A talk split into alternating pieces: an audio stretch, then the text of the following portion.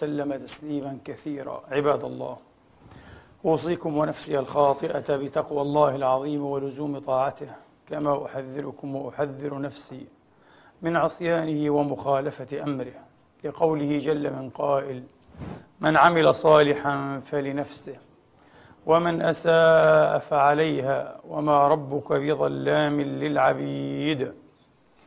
ثم أما بعد أيها الإخوة المسلمون الأحباب أيتها الأخوات المسلمات الفاضلات يقول الله سبحانه وتعالى من قائل في كتابه الكريم بعد أن أعوذ بالله من الشيطان الرجيم. بسم الله الرحمن الرحيم. إذا وقعت الواقعة ليس لوقعتها كاذبة خافضة رافعة. إذا رجت الأرض رجا وبست الجبال بسا فكانت هباء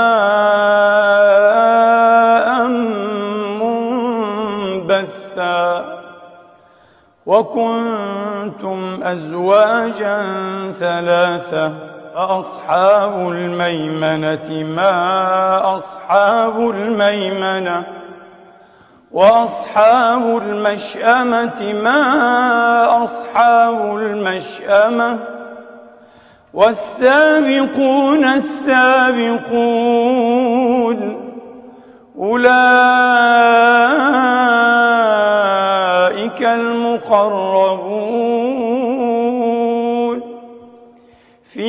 جنات النعيم.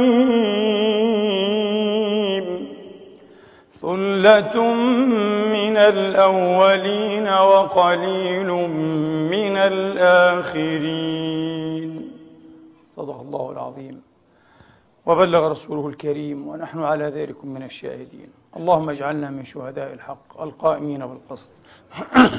آمين. اللهم آمين. أيها الإخوة الأحباب أيتها الأخوات الفاضلات ضرب أحدهم مثلا ساحر يقف أمام جمهوره من المشاهدين وفي يده قبعة يبرزها لهم غير مرة على أنها فارغة وإنها لكذلك وبحركاته الخفيفة السحرية يخرج أرنبا أبيض يتراقص أمام الناس ويتلفت في فزع وفي خوف. يكمل هذا الفيلسوف مثله فيقول وفي فرو هذا الأرنب تسعى بقة صغيرة لا يراها الناظرون.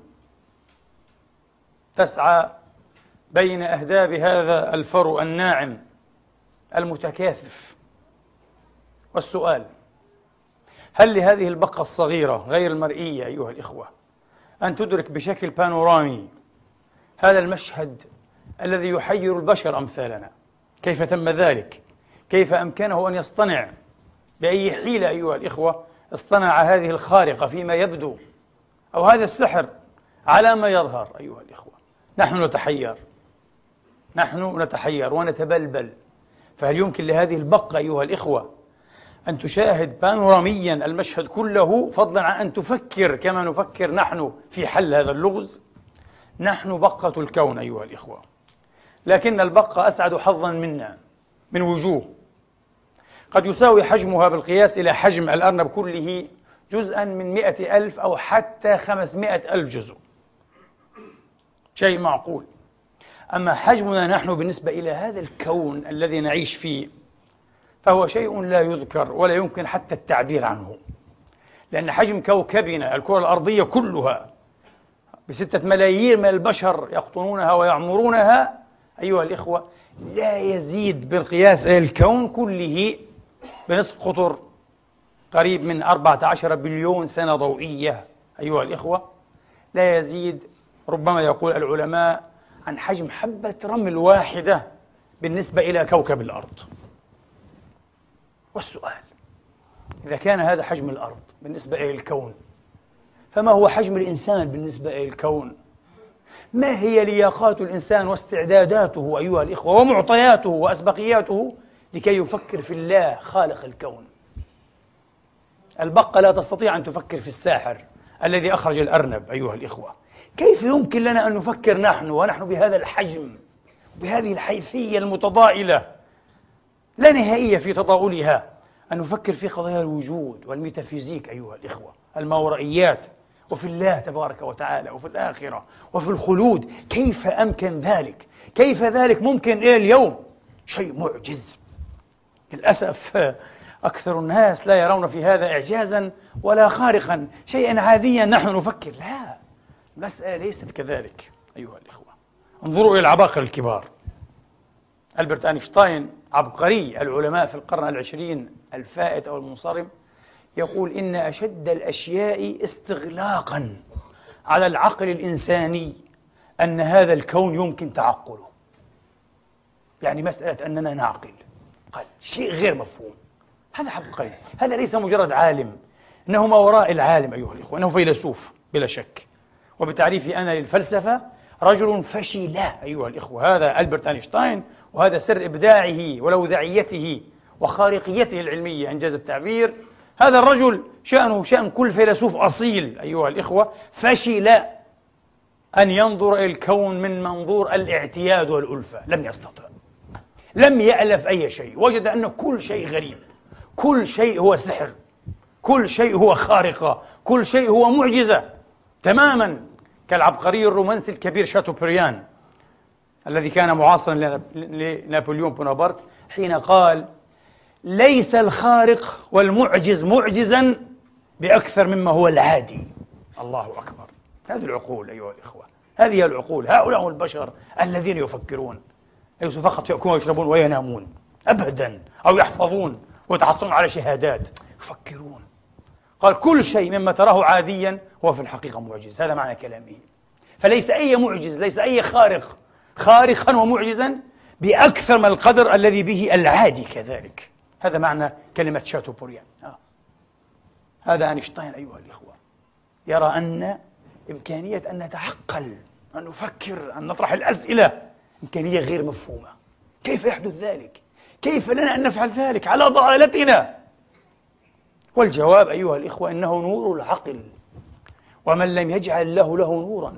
فما له من نور؟ النور الذي نورنا الله تبارك وتعالى به.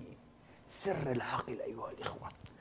وحين يتحدث عن العقل انتبهوا لا يتحدث عن العقل بالمعنى الذي يتناوله به أكثر علماء السيكولوجي أو علماء النفس والباحثين حتى في الذكاء. أكثر الباحثين في الذكاء على مختلف أنواع ومستويات ومجالات ونطق هذا الذكاء الذكاءات المتعددة. لا لا نتكلم بالمعنى الفلسفي بالمعنى الفلسفي.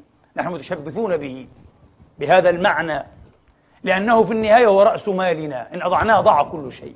ضاع العلم أيها الإخوة وضاعت التجربة كل شيء يضيع حتى الحس يضيع. لا يعود موثوقا به.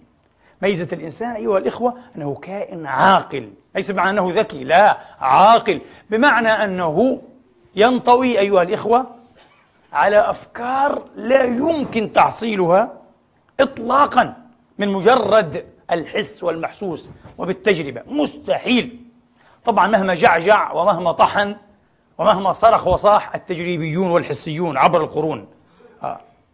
هذه مسألة طويلة جدا جدا. فشلوا إلى الآن أن يثبتوا إمكانية برهنة مذهبهم التجريبي والحسي. مستحيل. دائما يحتاجون كما نحتاج نحن. أود أن أعبر عن هذا المعنى بهذه الطريقة أيها الإخوة. عند مستوى معين من مستويات البحث والفكر يلتقي التجريبي الحسي بالعقلاني الروحاني أيها الإخوة في الاعتماد على مبادئ بأعيانها. مبدأ السببية أو العلية مبدأ التناسب بين المعلولين أو بين العلة ومعلولها مبدأ النهاية المعروف باستحالة التسلسل أيها الإخوة مبدأ الغيرية أو مبدأ عدم التناقض. هذه مبادئ عقلية. لا يمكن أن تفي أيها الإخوة باشتقاقها التجربة وحدها يستحيل والتجربة محتاجة إليها. ولا يمكن القيام بتجربة ناجحة علمية في أي حقل في الفيزياء وغيرها بغير اعتماد هذه المبادئ. أبدا. فشل كل الماديين أيها الإخوة أن يتحدوا هذه الحقيقة. إلى اليوم يجعجعون يتكلمون كثيرا وأقواهم في الكلام ديفيد هيوم الإسكتلندي. لكن فشل. والأدلة على فشله كثيرة جدا. هذا هو نور العقل هذا هو نور العقل. وبه عرفنا الله تبارك وتعالى. وبه عرفنا الله. وعرفنا أن لهذا الكون إلها. أن لهذا الكون إلها. أن لهذا الكون خالقا وموجدا. عرفنا هذا من ألوف السنين. مذ كان الإنسان عرف هذا؟ ولا يزال الإنسان العاقل الذي يحترم عقله ولم يتشوش. أفتح مزدوجين لأقول من أكبر أسباب أزمات الإنسان أيها الإخوة خاصة في هذا العصر التشويش كثرة التشويش والتشوش بكثرة المعلومات الطحن والعجن والكلام والجعجعة كلام كثير. تقرأ في أي مسألة أيها الإخوة؟ أه؟ ملايين الصفحات الآن موجود ملايين ملايين. الآن المعرفة البشرية تتضاعف كل ثمانية أيام شيء مذهل محير. وهذا يشوش الإنسان. يقول من أين لي اليقين؟ هذه المسائل التي تناولتها يا رجل في دقيقة أو دقيقتين وانحزت إلى صف العقليين أو العقلانيين أو التعقليين بإزاء التجريبيين الحسيين الماديين من أين لك؟ كيف لي أن أجزم مثل جزمك؟ هناك ألوف الكتب في هذه المسألة عشرات ألوف الأدلة كيف؟ هذا تشويش انتبهوا تشويش كله يمكن أن يختزل إلى براهين دقيقة جدا جدا مهما شوش مهما جعجع مهما صاح في الأخير لابد أن نلزمه أيها الإخوة بما يلزمه حقا بهذه المبادئ. لن يستطيع أن يفلت. أبدا. أبدا.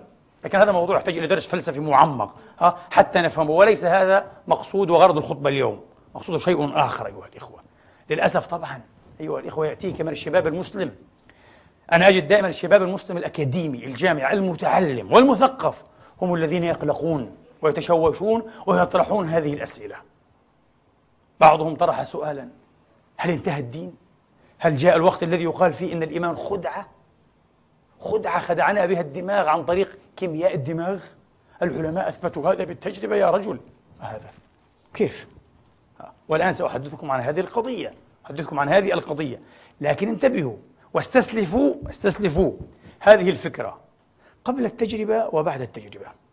قبل ما سأقص عليكم من تجارب علمية. وما سيأتي من هذه التجارب إلى يوم يرث الله الأرض ومن عليها. العقل هو المسيطر له الأولية. تجارب تعطينا الديتا أيها الإخوة معلومات. العقل هو الذي يفسر ويعيد التأويل. ها؟ يبحث عن المغزى. هو الذي يعطيك النموذج للفهم يا أخي. هذه مجرد ديتا معلومات. ليس أكثر من هذا. انتبهوا هذا هو. والآن سوف نرى من خلال العلماء المتخصصين في هذا الحقل الجديد. ويبدو أنني اعتدت على أن أصدمكم بحقول جديدة في المعرفة العلمية المتخصصة. نعم موجودة. نحن يبدو أننا بعيدون عنها لكن موجودة. حقل يعرف بعلم الأديان العصبي. علم الأديان العصبي. يعني أصبح البحث أيها الإخوة في الثيولوجيا أيضا ها؟ يتسلط فيه وعليه علم الأعصاب ها؟ neurotheology. اسمه neurotheology. علم الأديان العصبي علم اللاهوت العصبي neurotheology هذا نعم حقل. تأسس يعني من قبل ما يزيد بقيعا عن عشر سنين فقط. أزيد من عشر سنين. حق الآن علم مؤلفات وكتب ودراسات وتجارب علمية محترمة. في أمريكا بالذات وفي كندا. في شمال كندا. مجلدات الآن في هذا الشيء. ما هو علم الأديان العصبي؟ نيروثولوجي ماذا يقول؟ سوف ترون أن هناك من اعتمد عليه من ملاحدة العالم.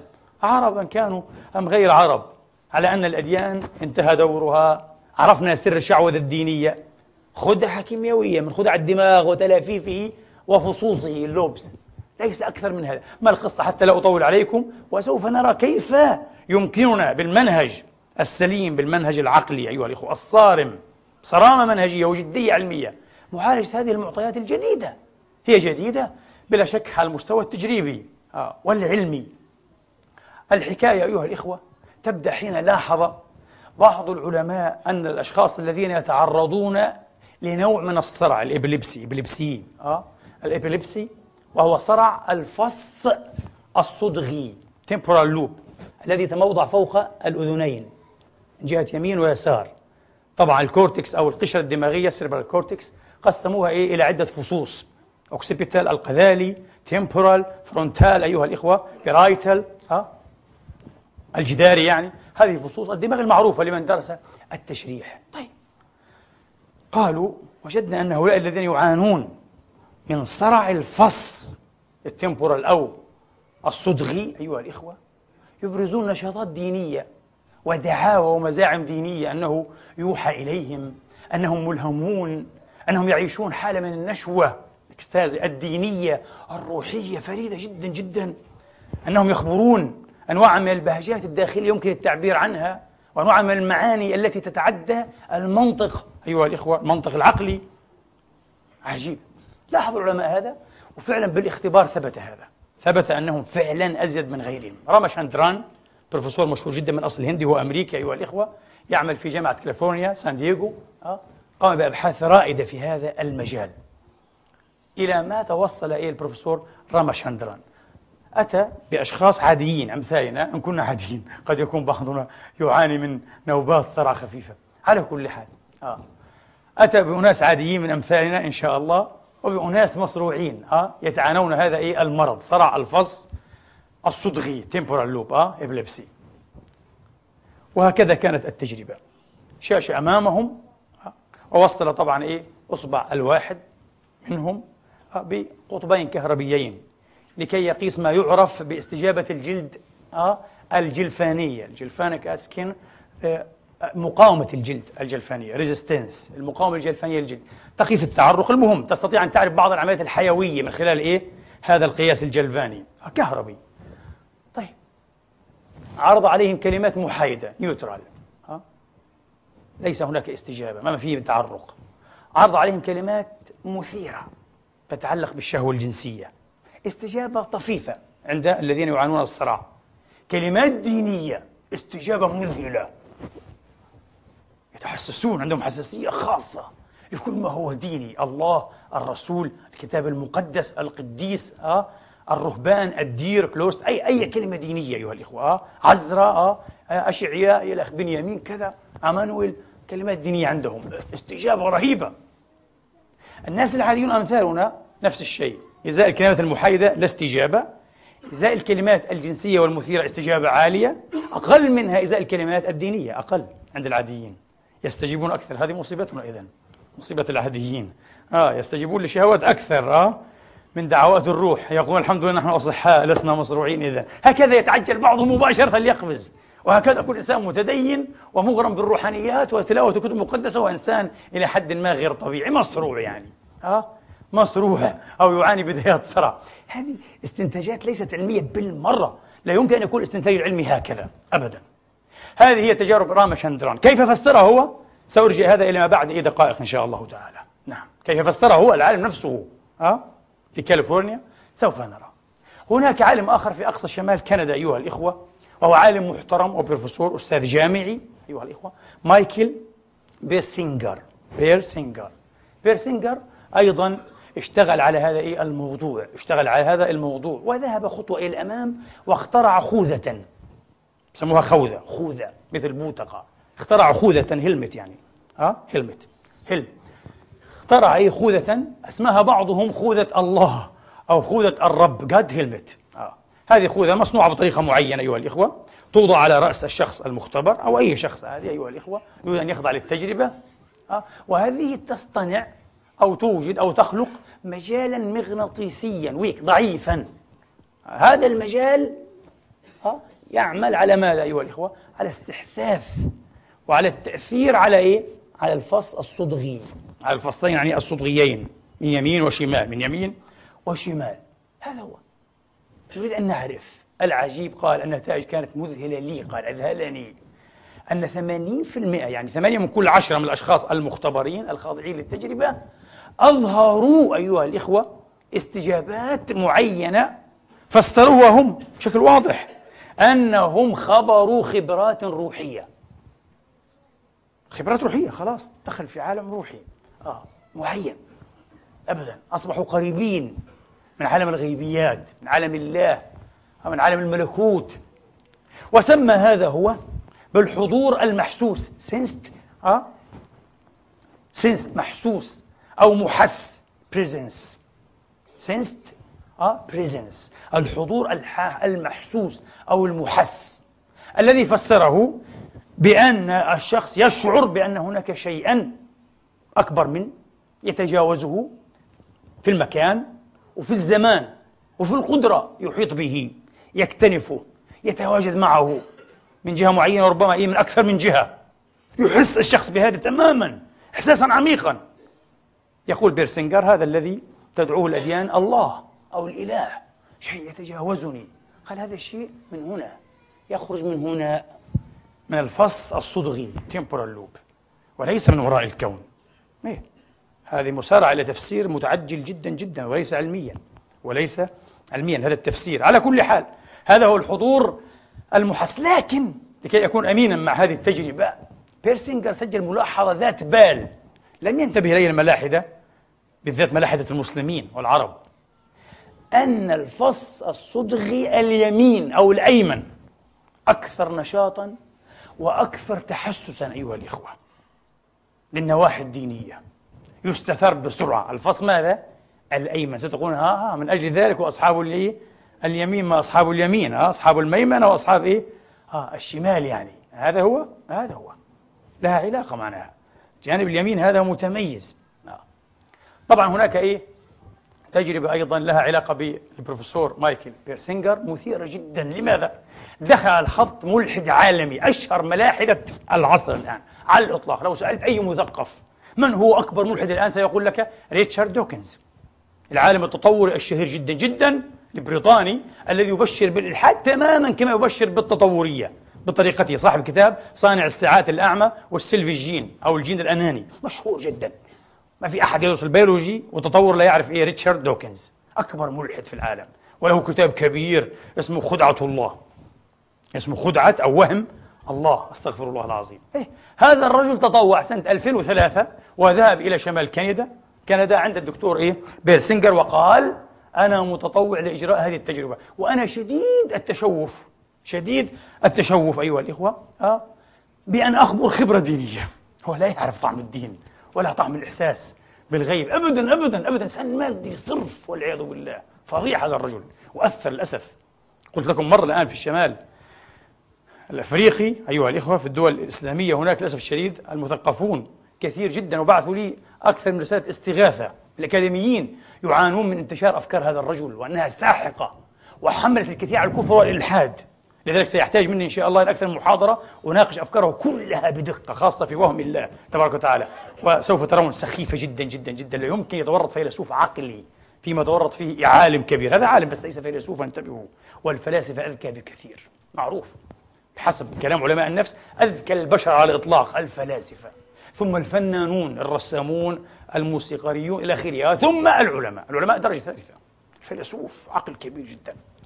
معظم الفلاسفة مؤمنون. عبر العصور معظمهم مؤمنون أيها الإخوة الفلاسفة الحقيقيون العقلانيون معظمهم يؤمنون بالله تبارك وتعالى بقوة تتجاوز الوجود هي المسؤول عن إيجاده العقل يقتضي هذا ليس التجربة والحس وتمبر وما تمبر لا شغلات أعمق من هذا بك على كل حال ذهب الرجل وأخضع للتجربة أربعين دقيقة متوالية والنتيجة كانت أيها الإخوة كما توقعها بعضهم كما توقعها دوكنز بنفسه أكيد لم يشعر بشيء تحركت ساقه اليسرى قليلا أثناء عمل هذا المجال المغناطيسي من خودة الرب. آه، ساقه اليمنى تشنجت قليلا. شعر بضيق في نفسه. شعر بحرج بلغة القرآن الكريم حرج ونوع من الحصر. أيها الإخوة الضيق في التنفس أه؟ بدوخة بسيطة في البداية شعر. قال ورأيتني أسبح في ظلام دامس. ومن كان في هذه أعمى معظم الناس على الإطلاق يرون أشياء عجيبة أشياء كالأنوار أشياء بهيجة كالورود روائح أشياء غريبة إكستايز نشوة نشوة روحية. هذا لا قالوا ظلام دامس سيكون صعبا علي إن لم أصرح بأنني لم أخبر مثل هذه المشاعر وحدي. قبل التجربة حين إيه؟ عشت في ظلام دامس. في ليلة معينة أطفأت الأنوار معيش بنفس قال نفس الحواس نفس الأحاسيس عفوا نفس إيه؟ المشاعر يعني. ليس من شيء جديد قال. عجيب جدا. بيرسينجر صدم. لكن هذا ليس عجيبا من إيه؟ ممن ختم الله على قلبه. ممن كان في هذه أعمى. ممن هو في الظلمات إيه؟ عمه الله يقول ظلمات قال. ممن ران على قلبه ما كان يكسب يخدم الإلحاد بإخلاص. أنا متأكد عرض له بعض البراهين التي هزته لأنه لا يمكن أن يكون في ذكاء برتراند راسل كفيلسوف. هذاك فيلسوف عالمي. ومع ذلك اعترف راسل أن هناك بعض البراهين هزته من الأعماق على وجود الله وردها بصلف وغرور. شرحتها مرة وأكثر من مرة. لا يمكن أن يكون هذا تعرض لبعض هذه البراهين لكن ردها أيضا بتجاهل ماكر لأن لديه إرادة الإلحاد كما يدعوها بليز باسكال. يريد أن يكون ملحدا يعز عليه أن يتراجع وأن يقول الناس بعد أربعين سنة من الكتابات والمحاضرات والتبشير المخلص بالإلحاد الصادق. أيها الإخوة أنا الآن جاهل وكنت على خطأ وأستغفر الله. يعز علي أكيد. ولذلك كلا بل ران على قلوبهم ما كانوا يكسبون. ومن كان في هذه أعمى فهو في الآخرة أعمى. الله يقول حتى حين يحشر وحين يبعث لو رددناه إلى الدنيا لعاد إلى كفره. الله يتحدث عن حالة استعصاء عجيبة. حالة صاحبه لا يتمتع بقابلية لالتقاط المعنى الروحي الحس الديني للدخول في تجربة دينية حقيقية أيها الإخوة. ليست من صنع المخ. أبدا المخ مستقبل فقط انتبهوا. ليست من صنع المخ. سأقول لكم تفسير الخاص بعد ذلك. على كل حال هذه واحدة لي تعليق دوكنز كان يعلم بالتجربة وأتى متطوعا لها. كل التجارب التي أجراها راما شاندران وبيرسينجر وغيرهما أيها الإخوة تجارب المفروض فيها. وهكذا كان أن المختبرين لا يعلمون بأغراضها. ولا عندهم أي معلومة وإنما أفيدوا وأحيطوا علما بأنها تجارب لها علاقة أي بالاسترخاء. ها relaxation فقط بالاسترخاء. ليس له علاقة لا بالدين ولا بالكلام هذا أبدا ولا بالفص إيه؟ الصدغي. لكن دوكنز كان يعلم. انتبهوا. ألا يؤثر هذا على قراره؟ طبعا يؤثر. هو سيأتي مدفوعا بقرار ألا أتفاعل. سأبقى تحت سلطة الحس الواعي ووعي المريد. أيها الإخوة أه؟ ألا أخضع لأي شيء خارجي. لذلك أنا سأقترح هنا كمسلم قارئ القرآن أيها الإخوة سأقترح مقترحا يا ريت علماء مسلمون أطباء مسلمون. يا أخوة هالتجارب سهلة جدا جدا. لا تكلف شيئا. تشتري هذه الخوذة البسيطة ب 100 دولار وتقوم بهذه الأشياء. وطبعا طبعا شغلات بسيطة يقوم بها أي طبيب بس بمواصفات علمية معينة لابد أن يقام بها. سهل مش شيء صعب أبدا أبدا. لذلك بعض الأطباء قاموا بها مش بروفيسورات كبار أه؟ مثل نيوبيرغ أه؟ نيوبيرغ في مستشفى بنسلفانيا له تجارب رائدة جدا وهو طبيب ربما لا يجاوز أربعين سنة أيها الإخوة. وليس بروفيسورا في الجامعة ليس أستاذا طبيب أه؟ في ال hospital أو المستشفى تبع بنسلفانيا وقام بتجارب رائدة وهي أعمق من تجارب إيه المذكورين. يمكن لطبيب مسلم أن يقوم. أنا سأخترع على هذا الطبيب المسلم الافتراضي أيها الإخوة أن يقوم بالتالي. تجربة قصيرة المدى تجربة طويلة المدى ربما تستمر 20 30 سنة. كالتالي. تجربة قصيرة المدى لابد أيضا أن نتفحص ما يجري وذلك بوساطة أيها الإخوة التصوير بالرنين المغناطيسي. MRI ما يحصل في ال frontal lobe في الفص الجبهوي هنا لأن هذا الفص بحسب مبادئ الفيزيولوجيا أو وظائف الأعضاء مسؤول عن اجتراح القرارات. هذا فص الإرادة. أريد أو لا أريد؟ ينبغي فإن وجدنا هذا الفص عند دوكنز يعمل تماما ما شاء الله يتروى بكمية أزيد من الدم معنى ذلك أن الرجل إيه؟ أو عند الرجل إرادة لموقف معين مسبق. سيبدو كل شيء واضحا طبعا. ولذلك آه لن يستقبل الفصان الصدغيان إيه شيئا زائدا عن الوضع الطبيعي لأن هناك إيه؟ ولذلك القرآن أيها الإخوة لم ينسب التكذيب إلى هذا الفص الصدغي إنما نسبه إيه؟ إلى الفص الجبهوي. كلا لئن لم تهي كلا لئن لم ينتهي لنسفعا بالناصية ناصية كاذبة خاطئة. طبعا علماء المسلمين الحمد لله وبعض أطبائهم تكلموا في هذه القضية في إطار معروف بالإعجاز العلمي مرات كثيرة وأبحاث معروفة أصبحت شغلات بديهية هذه. لكن هذا ثابت قبل أبحاثهم. ثابت أن هذا الفصل له علاقة بماذا أيها الإخوة؟ له علاقة باتخاذ القرارات باجتراحات القرار باجتراح القرارات. إذا التكذيب أيها الإخوة يبدأ من هنا. لابد أن نختبر ماذا يجري على الفصين في وقت واحد. وعملية ممكنة وسهلة جدا جدا إذا كنا قد ذكرنا هي طبعا عملية على التجربة على المدى الطويل أيها الإخوة إيه أن يأتي الأشخاص أذكياء في الثانويات مثلا في الإعداديات أو من الأوائل أه؟ ويقوم عليهم بهذه الاختبارات نفس الاختبار ويسجل ثم يتركهم بعد ذلك يتابع بالذات الذين يتخصصون في الدراسات الإنسانية وبالذات في الفلسفة أه؟ واللاهوت علم الدين يعني بلا شك طبعا نسبة من هؤلاء الذين يتخصصون في الدراسات الإنسانية وبالذات الفلسفة سوف ينتهون إلى الشك والإلحاد كما يحصل في كل جامعات العرب اليوم. صحيح؟ بعد عشر سنين 15 سنة سنعيد التجربة. وسوف نقارن بين إيه؟ التجربتين لكن لا على مستوى رصد عمل الفص الصدغي وحده وهذا غير مفيد. سنرى طبعا تفاوتا.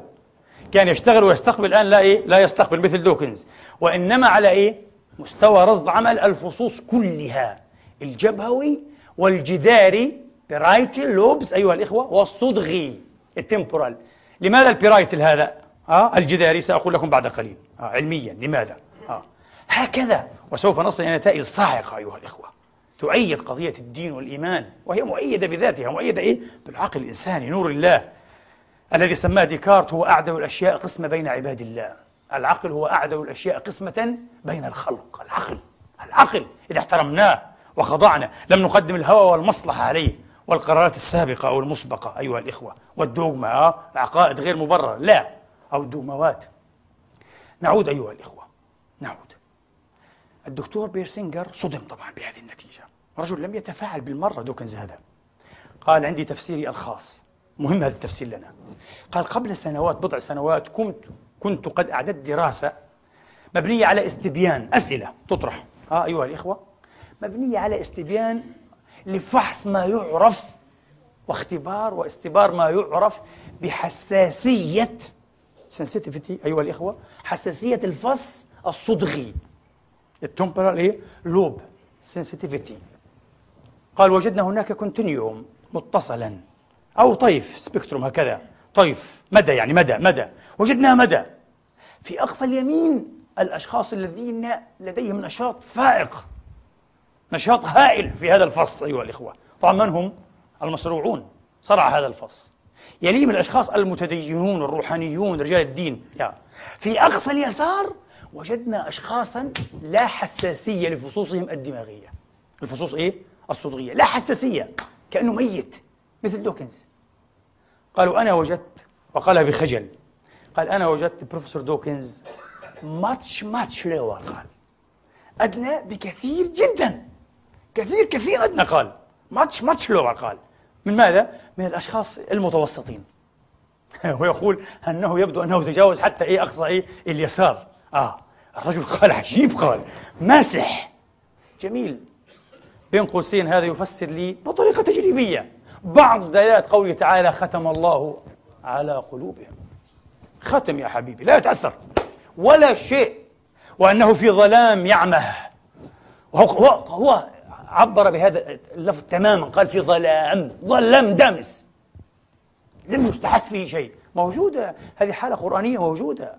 قلوبنا غلف في غلاف. غلاف من رصاص لا يتأثر بأي إشعاع لا كهرومغناطيسي ولا غيره. ها غلاف مرصص. القرآن أشار إلى الحالات موجودة هذه الحالات. ولو علم الله فيهم خيرا لأسمعهم لكن لن يسمعوا. ولو أسمعهم لتولوا. وهم معرضون. الله يسجل هذه الحالات موجودة يا توكنز قبلك موجودة وبعدك وإلى يوم الدين. طيب نأتي الآن إلى تجارب الدكتور إيه؟ الأمريكي نيوبيرغ من بنسلفانيا. نيوبيرغ كان أذكى قليلا. قال سأذهب إلى مدى أبعد في التجارب هذه؟ ماذا فعل؟ قال لا أريد أن أختلق أو أصطنع تجربة روحية أيها الإخوة أه؟ عن عمد يعني تجربة صناعية هذه بخودة الرب هذه. لا لا لا. سأترك الأشخاص المتمرسين في اختبار هذه المشاعر وفي الدخول في هذه التجارب أيها الإخوة مثل رهبان بوذيين راهبات فرانشسكيات كاثوليكيات طبعا مش بروتستانتيات الكاثوليك أكثر اهتمام بهذه الأشياء من عقلانية البروتستانت معروف. لذلك هو عمل هذا على راهبات فرانشسكيات أيها الإخوة أي كاثوليكيات. نعم سنتركهم نضعهم في غرفة هادئة تماما حتى إذا وصلوا إلى الذروة ال peak ذروة التأمل ال meditation معهم خيط فقط يحرك الخيط. الآن سنحقنهم أيها الإخوة دون أن يشعروا بمادة تسير في دمهم يحملها تيار الدم إلى الدماغ. موصولة بجهاز كمبيوتر مخصص لهذه التجربة مصمم لهذه الأشياء أه؟ ولما يشابه وسوف نلتقط صورا ثابتة وعميقة جدا لما يحدث في الدماغ. فعل هذا. حين وصل الشخص وكان إيه؟ دكتورا هو بروفيسور أيضا لكن بوذي. بوديست أيها الإخوة وصل إلى القمة أعطاهم الإشارة حصل كل شيء وجدوا شيئا غريبا. الشيء المتوقع الأول كما في كل التجارب التي ذكرناها فعلا منطقة إيه؟ الفص الصدغي أيها الإخوة بدأت الدماء إيه؟ تصلها أكثر. كمية أكبر من الدماء. معناها إيه؟ تنشطت. أكتيف هذه. ها؟ أكثر من الوضع العادي. هذا متوقع ثبت في التجارب السابقة. الجديد أيها الإخوة كما أظهروا الحاسوب باللون الأصفر يعني دماء أقل الآن اللون الأحمر دماء أكثر باللون الأصفر بدأت تتلون منطقة الفص الجداري ال parietal lobes الفصوص الجدارية. الدم بدأ يغيب يغيب يغيب كأنه إيه؟ يعني switch on غادي switch off هنا switch off قفلنا. يغيب. ما علاقة هذا بهذا؟ طبعا معروف عند كل من درس إيه؟ تشريح وظائف الأعضاء الفصوص الجدارية ال parietal lobes أيها الإخوة مسؤول عن ماذا؟ عن الشعور بالأنا بالذات أنا حسيا ومعنويا أنا ها؟ ليش؟ لأنها تتعامل أيها الإخوة وتستثمر كل المدخلات والمعطيات الحسية ال sensory information ها؟ المعلومات الحسية كلها تأخذها وتعيد إيه؟ تأويلها وتفسيرها ويصبح لديك شعور إيه؟ ثابت وقوي بماذا؟ بالأنا أنا تشعر بنفسك طب إذا عملنا إيه سويتش أوف لهذه الفصوص ماذا يحدث؟ تشعر بالانفصال بدأت تنفصل عن ذاتك عن ذاتك عن ذاتك وبالتالي تتوحد إيه بالآخر بالكون. تشعر بأنك غبت ما يعرف إيه؟ آه lost of self الغياب عن الذات. يعني ما يحدث عنه الصوفية سواء المسلمون المسيحيون البوذيون إلى آخره. آه الرهبان. آه يغيب عن نفسه يقول لك. آه دخلت في عالم آخر. يتحدث طبعا الهندوس والكاثوليك والصوفي المسلم والصوفي المسيحي أيها الإخوة وغيرها عن ماذا؟ عن حالة التوحد بالغيب. التوحد في الملكوت التوحد في الكون. ها؟ التوحد إيه؟ في اللغز الكبير. كلهم يتحدثون عن نفس الشيء. المثير جدا في تجارب الدكتور نيوبيرغ أيها الإخوة أنه أجرأها على كاثوليك وعلى بوذيين وعلى غيرهم. أديان مختلفة عقائد مختلفة تماما. ودائما النتيجه واحدة. الفصوص الصدغيه تشتغل تماما تروى بكميات أكبر من الدماء. الفصوص الجدارية تغيب عنها إيه الدماء إلا قليلا ويغيب الإنسان عن ذاته. هذه التجربة الأكثر شهرة في تجارب الدراويش والصوفية والفقراء حول العالم وعبر التاريخ الغياب عن الذات.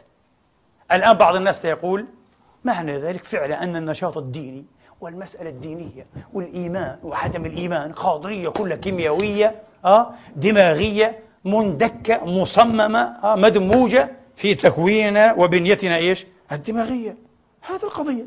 طب ما المشكلة؟ أنا حتى هذا إيه؟ لست أعرضه مبدئيا. ما المشكلة؟ ما المشكلة أيها الإخوة؟ كما أن المعدة مصممة ومخلوقة ومصنوعة أو منشأة ومطورة كما يقول علماء التطور ويطيب لهم ذلك دائما أيها الإخوة لكي تستجيب للتعاطي مع ما يعرف بالطعام والشراب والرئتان مصممتان للتعاطي مع الهواء بالطريقة المعقدة طبعا جدا ومعروفة ها؟ وهكذا وهكذا.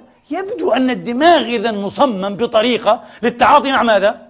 مع الإيمان مع الإلهام مع الوحي الإلهي.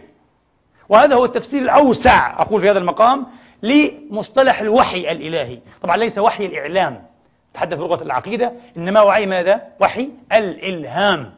إذ أوحينا إلى أمك ما يوحى.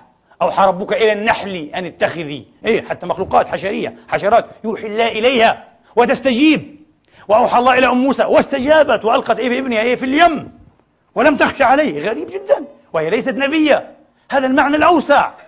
الدماغ مصمم لالتقاط هذه الإشارات. ها؟ السيجنال هذه الإشارة هي الإلهية. النبي أشار إلى هذا. قال إن لربكم في أيام دهركم ماذا؟ نفحات.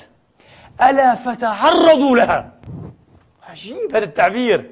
قبل أبي حامد الغزالي. أبو حامد في معيار العلم. أيها الإخوة معيار العمل عفوا. معيار العلم هذا المنطق.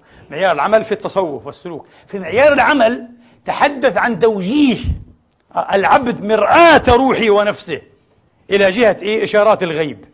يعني لو كان مخترع الأنتين أيام أبو حامد غزالي كان قال إيه؟ بدك توجه الأنتين بشكل سليم. إحنا بنقول لشبيقل آه؟ الطبق يعني وجهه طبعا جزء من درجة تختفي الصور صحيح؟ يختفي كل شيء يموت التلفاز.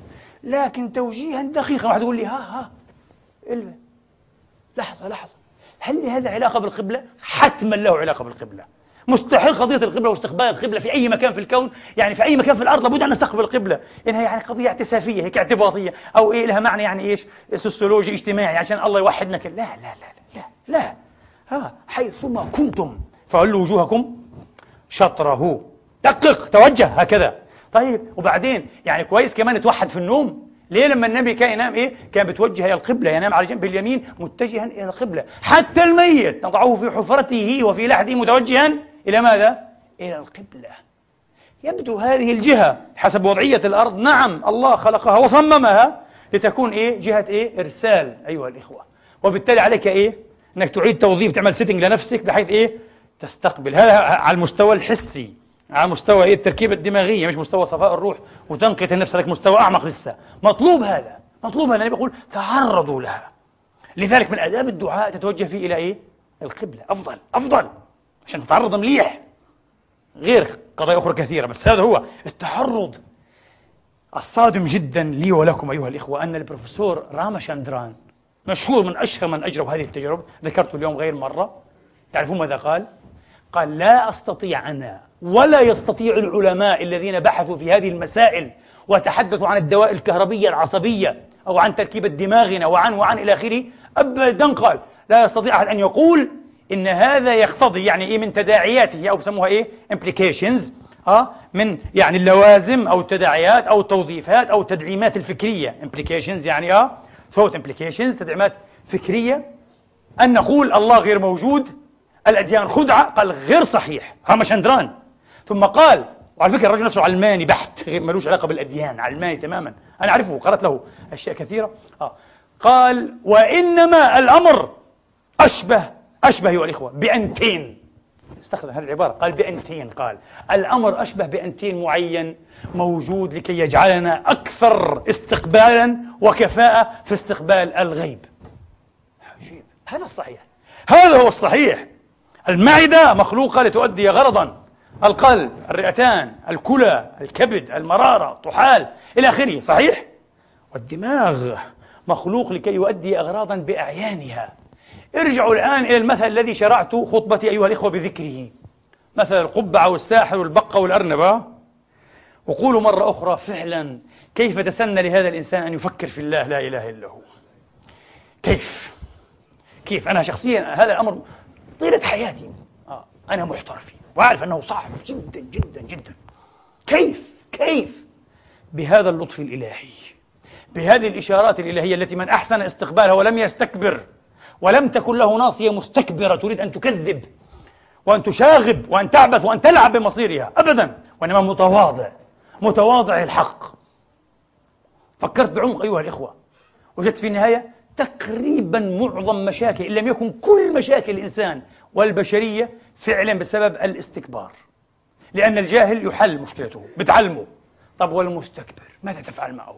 لذلك أنا سأحاضر بعد أيام ها في منتدى هكذا يحاضر فيه بعض الأهل الفكر والذكر من هذه البلاد.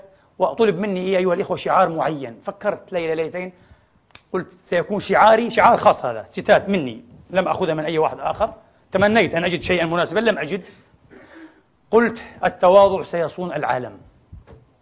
سأشرحها. محاضرة ستكون شرحا فلسفيا وثقافيا ودينيا لهذه الاستتات أو لهذه المقبوسة أيها الإخوة.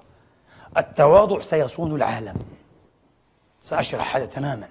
لذلك قال تعالى سأصرف عن آياتي الذين يتكبرون في الأرض بغير الحق وإن يروا كل آية لا يؤمنوا بها وإن يروا سبيل الرشد لا يتخذوه سبيلا وإن يروا سبيل الغي يتخذوه سبيلا. قال هؤلاء سأصرفهم مثل ما صرفت ريشارد دوكنز. لن أجعله لن أجعله أيها الإخوة يستجيب لأي شيء. سيبقى في ظلمات يعمى عميها متحيرا وسيبعث أعمى يوم القيامة. انتبهوا! التواضع يصونني يصونكم يصوننا أه؟ يصون العالم يصون البشرية يصون مجدنا وتراثنا أيها الإخوة ومسيرتنا الفكرية والروحية وحتى العلمية والتجريبية. التواضع التواضع طلب الحقيقة. هكذا يبدو أن الله خلقنا وهيأنا لكي نتعاطى معه. سأختم خطبتي بما يؤكد هذا أيها الإخوة. قرائن مش أدلة علمية لكن قرائن علمية لافتة ولها مغزاها أيها الإخوة. واحد. ما مغزى أن دماغنا هذا لو حذف معظمه؟ بعضهم يقول 90% لو عملنا عملية جراحية وحذفنا 90% ولكن هذا مبالغ فيه. هذا أجري على فئران تجارب ونجح. حذف من إيه؟ من أدمغتها 90% ظلت عادي تعيش نفس حياتها. وهذه كانت البداية. وهذا ربما ألهم بعض العلماء وخاصة أي في علم النفس التربوي وعلم النفس التعليمي والسيكولوجي إلى آخره أن يقولوا الإنسان يبدو أنه لا يستخدم إلا عشرة في المئة إيه؟ من دماغه. هذا عليه كلام. فيه نظر على كل حال. المسألة قد تكون إيه أقل من هذا بكثير وقد تكون غير ذلك. لكن هذا موضوع آخر. أيها الإخوة أما الإنسان ثابت يمكن أن يستأصل أكثر من نصف دماغه. بعضهم يقول ثلاثة أرباع دماغه. يعني 75% ويعيش عادي. ويروح على الجامعة ويوصل ويدرس ويأكل ويشرب مع زوجته ما في أي مشكلة. وهذا سؤال. معنى ذلك بطريقة حسية إذا تفسير حسي تجريبي لهذه المسألة أننا يمكن أن نعيش بربع دماغ. ربما بأقل من هذا حقيقة. نعم يمكن. إذا ماذا تفعل الثلاثة الأرباع الأخرى؟ احتفظوا بهذا السؤال لنرى كيف يمكن أن نجيب عنه. طريقة عقلية. تستند إلى المعطيات الحسية التجريبية. بحسب بروفيسور أنوكي وهو تلميذ بافلوف مؤسس المنعكس الشرط الشهير ها؟ بافلوف. هذا تلميذه. عمر فترة طويلة وهو من أكبر متخصصين حول العالم. في علم وظائف الدماغ. أيها الإخوة. بروفيسور أنوكي. هذا الرجل قال الدماغ يحتوي على ما بين 10 إلى 15 بليون يعني مليار عندنا بالألماني يعني 10 أس 9 ألف مليون. خلية عصبية neurons يعني. طبعا هذا غير صحيح. الآن اذهبوا خذوا أي كتاب في علم الأعصاب أيها الإخوة أه؟ أي كتاب الآن. تقريبا أكثر من 90% من العلماء يقولون على الأقل 100 بليون neurons. مش 15 بليون 100 يعني أنوكي متواضعا جدا كان في تقديري. جميل كويس نكون متواضع. خلينا نشوف. هذا يخدمنا أكثر. 100 بليون. قال لا هو من 10 ل 15 هذا قبل سنوات طويلة. ما في مشكلة. قال الآن وكل خلية عصبية في الدماغ كل نيرون أيها الإخوة. ها؟ له طبعا هو بتعرفوا في النواة تبعته في بعدين المحور وفي التشجرات هذه. آه. طبعا العلماء مش أنوكي العلماء قبل سنوات بسيطة اكتشفوا شيئا مذهلا جدا هذه التفرعات والتشجرات حين إيه تمتد من المحور مثلا الأكسن هذا ماذا يحصل؟ العلماء وجدوا شيئا عجيبا جدا جدا تفرعات كثيرة جدا كل تفرع منها لا يذهب حيث اتفق يذهب أيها الإخوة ويتجه منذ البداية حيث ينبغي أن يكون الله أكبر من الذي يوجهه؟ كيف يتوجه هذا؟ لماذا يذهب إلى حيث يكون؟ هل عنده عقل طيب؟ سئل مرة أحد لاعبي الهوكي متمرس شديد كيف تكسب أنت؟ قال أنا أتزحلق وأذهب إلى حيث لا إلى حيث إيه؟ اتفق إلى حيث يجب أن أكون قال بعرف وين لازم أكون أنا وبكسب دائما بلتقط طاب قال بيعرف الشغلة هذه آه. هذا هو كذلك تفعل إيه؟ هذه التشجرات من خلايانا إيه؟ العصبية في الدماغ نيروناتنا جميل بروفيسور أنوكي قال إمكانية الاتصال لكل خلية واحدة إمكانية إيه؟ الاتصال كم؟ كم بالإمكانية؟ شيء مذهل عشرة مرفوعة إلى أس 28 والبليون تسعة يعني عشرة بليون بليون بليون إمكانية حيقول لي واحد معناها عشرة أس 28 ضرب كم؟ على الأقل خلينا نقول إيه 10 بليون خلية عندنا أه؟ 10 أس كم؟ 10 مظبوط؟ 9 بليون 10 بليون. آه 10 أس 10 بيطلع رقم معروف جدا كيف. هذا الرقم لو أردت أن تكتبه أنت مش بطريقة الأس. تقول لي 10 مثلا أس إيه؟ 37 38 آه وإنما 10 أس 10 عفوا أمامها هي أصفار أو واحد أمامه أصفار. يقول أنوكي ستكتب واحدا وأمامه أصفارا. تكتب أصفارا صفر صفر صفر صفر. بطول كم؟ من هنا لآخر المسجد يعني؟ 100 متر أصفار؟ ستة مليون ست أصفار مليون. تسعة تكتبهن بليون. وهكذا. ها؟ المئة مئة صفر googol. googol. قال لك لا بطول تسعة مليون كيلو متر تسعة مليون كيلو متر الأرض المحور 12 ألف مايل. آه 12 ألف كيلو متر تسعة مليون كيلو متر أصفار. يعني بتعيش وبتموت وبتعيش وتموت وانت لسه بتكتب. ومش حتخلص الأصفار فقط. واحد يقول لي شيء محير يعني حكاية 10% هذه من دماغنا هذه لعبة صغيرة لسه نعم نعم نعم الآن السؤال مرة أخرى لماذا؟ لماذا كل هذه الإمكانيات لهذا الدماغ؟ لماذا؟ نعيش نستطيع أن نعيش بربع الدماغ لماذا كل هذه الإمكانيات الهائلة؟ أنوكي يقول الدماغ البشري عنده إمكانية أن تحفظ في كل ثانية كراسة كراسة من 50 60 صفحة في كل ثانية ولو عشت 90 سنة يقول أنوكي هل ممكن؟ قال عادي ويقول الدماغ هل من مزيد؟ هات كمان. إيش هذا؟ ولا حاجة. بتلعب أنت معي قاعد؟ دماغك هذا. واحد يقول لي يخرب بيتنا معناها إحنا بالمرة مسحين. إحنا طناجر. والله عندي دماغ خطبة زي هاي بتصدعني وهو تيجي يخلص الشيخ تعبت. ما أنا بالمرة أنا أهبل. إيه؟ لا تستخدمه لأنك هذا الدماغ. هذا دماغ رهيب. هذا مخلوق مش عشان يتعاطى مع خطبة زي هذه بسيطة. ساذجة. لا. عشان يتعاطى مع رب العزة. لا إله إلا هو. عشان يفكر في الله وفي الغيب وفي الأديان وفي كلمات الله المرسله إلينا. هذا جوابي أنا. هذا هو. هذا هو بالضبط. عشان المعدة هذه معدة النعامة أحسن منها ألف مرة. تهضم حتى الحديد والرصاص والنحاس النعامة أحسن منه كثير الرئتين عندك لا الطيور عندها أربع رئات يا حبيبي. أحسن منك ألف مرة. الطير عنده رئات أحسن منك كثير. ها؟ وهكذا واحد يقول لي ما تنساش الركب. الركب. طبعا مش حنسى الركب. حتلاقي حيوانات كثيرة عندها إمكانيات للجري. تجري 30 سنة 40 سنة من أبدا. بسرعة 50 40 الجاكور 80 كيلومتر في الساعة. من غير مشاكل في الركب وحول الركب.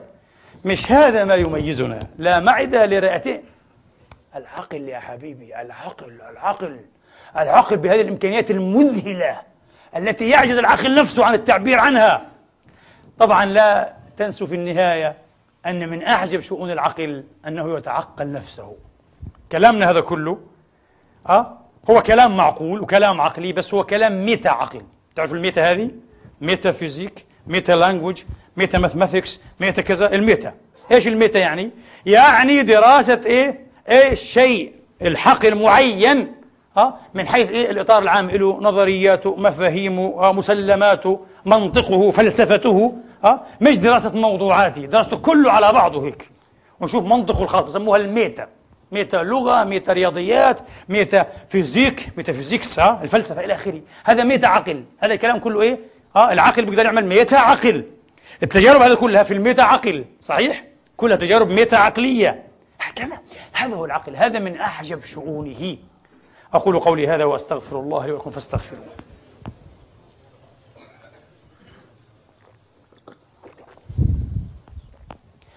الحمد لله. الحمد لله الذي يقبل التوبة عن عباده ويعفو عن السيئات ويعلم ما تفعلون ويستجيب الذين آمنوا وعملوا الصالحات ويزيدهم من فضله. والكافرون لهم عذاب شديد. وأشهد أن لا إله إلا الله وحده لا شريك له. وأشهد أن محمدا عبده ورسوله القائل تفكر ساعة خير من عبادة ستين سنة.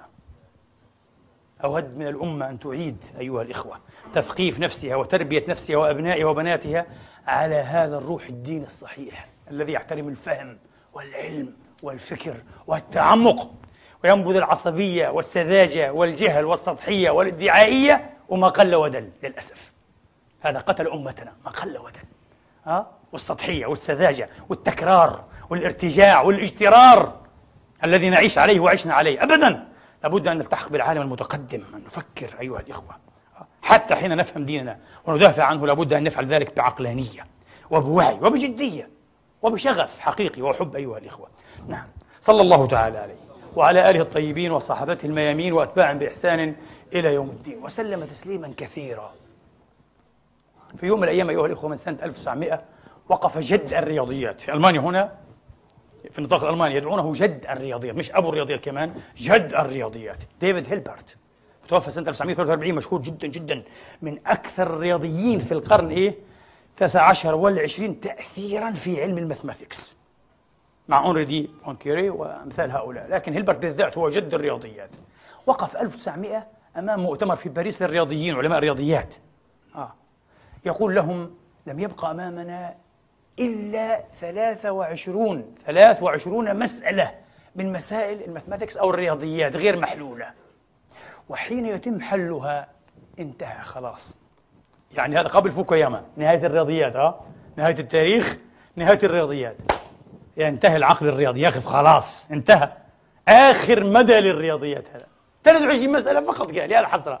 23 مسألة من مئات المسائل.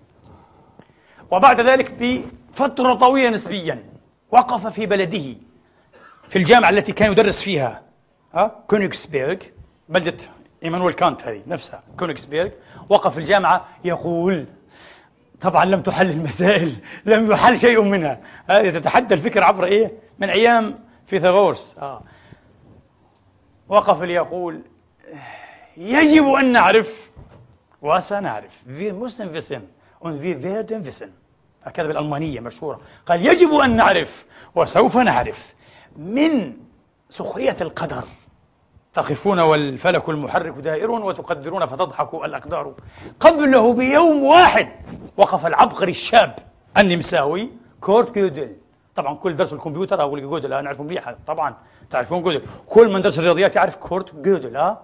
جودل وقف ليقول سيبقى إلى أن ينتهي مشوار الإنسانية. أشياء لن تفهم ولن تحل. لذلك كورت جودل هو صاحب نظرية اللا اكتمال أو اللا إيه تمامية die Unvollständigkeitssätze incompleteness incompleteness theorem يعني زي theory يسموها ال theorem ال Sätze يعني. نظرية عدم الاكتمال. وتنص بعبارة واحدة على شيء بسيط جدا. عدم الاكتمال في كل بنيان رياضي محكم غير متناقض لابد على الأقل أن توجد مسألة واحدة ليست مبرهنة. مستحيل أن يكون كل ما فيها مبرهن. يستحيل جودل قال طبعا الآن لم يأتي أحد بما إيه يرد على جودل صحيح. أو يكون النظام الرياضي آه تبعك متناقضا. هذا هو. يعني كل بنيان سألخصها بعبارة يفهمها أي واحد. كل بناء رياضي لابد إما أن يكون متناقضا أو ناقصا. ما معنى ناقصا؟ فيه على الأقل مسألة واحدة غير محلولة غير مبرهنة. هذه هي اللا تمامية تعد جودل. واحد يقول لي لماذا ذكرت هذا؟ ما علاقة هذا بقضيتنا؟ شوفوا الآن إيش العلاقات كويس. جودل بعد هجمة النازيين أيها الإخوة اضطر أن يغادر نمسا إلى الولايات المتحدة الأمريكية واتصل حبله بحبل العبقري الكبير ألبرت أينشتاين. ورغم اختلاف مزاج الرجلين تماما أينشتاين اجتماعي وحبوب وجودل انطوائي جدا. كان يعاني دائما أن لا يمس أحد وأن لا يمسه أحد جسميا ممنوع. عنده عقد مسكين عنده مشاكل. شخص عبقري لكن رهيب. ومات بالتجويع جوع نفسه 78 مش من زمان مات جودل. المهم أينشتاين وقف مرة ليقول وكرر هذا غير مرة. حتى لو كان الإله خبيثا حتى لو كان الإله خفيا invisible غير مرئي صح. فإنه ليس خبيثا. شوف العباقرة كيف بيفكروا كيف بيتكلموا يا أخي. صعبين. قال حتى وإن كان إله خفيا ما بنشوفه غير محسوس الله. لكنه ليس خبيثا. كأنه يردد ماذا قال ديكارت لمن قرأ ديكارت. على كل حال ووقف جودل يقول أصادق على هذا. جودل صاحب اللا تمامية اللا اكتمالية قال صحيح. وكيف فسر جودل عبارة أينشتاين التفسير الصحيح. قال بروفيسور أينشتاين يحب أن يقول إن الله ليس خبيثا بمعنى أنه لم يخلقنا لئلا نفهم. بالعكس خلقنا وكوننا وصممنا لكي نفهم. لكي نفهم الوجود. معناه نتعاطى مع مين؟ مع موجد الوجود مع خالق الوجود. لدينا القدرة قال. جودل واحد يقول لي جودل يقول هذا؟ أينشتاين يقول يا حي هلا. جودل صاحب اللاتمامية اللي بيقول في تخصص الرياضيات في مسائل لن تفهم إلى يوم الدين. نعم. وهذه مفارقة. paradox هذا. إذا مفارقة. تقول لي في الرياضيات وهي إلى حد ما علم تحليلي وليس تركيبيا صحيح؟ يعني لا تأتي بجديد. دائما النتيجة إيه؟ بطريقة ما موجودة إيش؟ في المقدمات هذا معنى التحليلية مش تركيبية كقضايا الفيزياء والفلسفة والبيولوجيا والتاريخ وعلم النفس والجمال أبدا. تعرفون ماذا كان الجواب؟ نعم. وجواب جودل هو جواب أينشتاين. قال نعم. بالمنطق لا تستطيع أن تفهم. بالرياضيات والفيزياء والمخ والمختبرات والدوارق والأنابيق لا تستطيع أن تفهم. في شيء يقبع هناك في هذا تعبير جودل فيما وراء بيند يعني فيما وراء أو بعد تخوم المنطق ها؟ وحتى العقلانية. هو قال العقلانية ما هو؟ الحدس. intuition الحدس. intuition intuition intuition الحدس قال الحدس. ما هو الحدس؟ قال مش رياضيات مش منطق مش عقل عادي شيء ثاني يعني له علاقة بالإشارات الإلهية هذه؟ لها علاقة بهذا الفص؟ يبدو هذا هو. شغلات فوق كل الكلام هذا اللي تحدثنا فيه هي التي تجعلنا نتعاطى مع أشياء لا تفهم بالمنطق العادي ولا بالحس العادي. لا زال الموضوع في أوله كموضوع السعادة سنعود إلى السعادة. أه لا أخلف الوعد إن شاء الله. لكن هذا الموضوع أثارني طرح علي فيه بعض الأسئلة وأحببت أن أسارع بالجواب لأنه خطير له علاقة بالإيمان والإلحاد وهذا ما يمكن أن نتأخر فيه أيها الإخوة. لكن سنتابع في هذا الموضوع أيها الإخوة لنرى أين ذهبت الأبحاث بالعلماء في دراسة هذه اللياقات الخارقة لدى الإنسان. وما علاقة هذا بالدين والإيمان الديني. إن كتب الله لي ولكم العمر نسأل الله تبارك وتعالى أن يطيل أعمارنا وأن يحسن أعمالنا وأن يعرفنا به كما عرف عباده العارفين وأن يدلنا عليه دلالة الصادقين وأن يرزقنا خدمته وخشيته كما رزق المخلصين. إنه ولي ذلك والقادر عليه. اللهم علمنا ما ينفعنا وانفعنا بما علمتنا وزدنا علما وفهما ورشدا وافتح علينا فتوح العارفين. اللهم اغفر لنا ما قدمنا وما أخرنا وما أسررنا وما أعلنا وما أسرفنا وما أنت أعلم به منا وما جنينا على أنفسنا. واغفر اللهم لوالدينا وللمسلمين والمسلمات المؤمنين والمؤمنات الأحياء منهم والأموات بفضلك ورحمتك إنك سميع قريب مجيب الدعوات. عباد الله إن الله يأمر بالعدل والإحسان وإيتاء ذي القربى. وينهى عن الفحشاء والمنكر والبغي يعظكم لعلكم تذكرون. اذكروا الله العظيم يذكركم واشكروه على نعمه يزدكم وسلوه من فضله يعطكم وقوموا إلى الصلاة.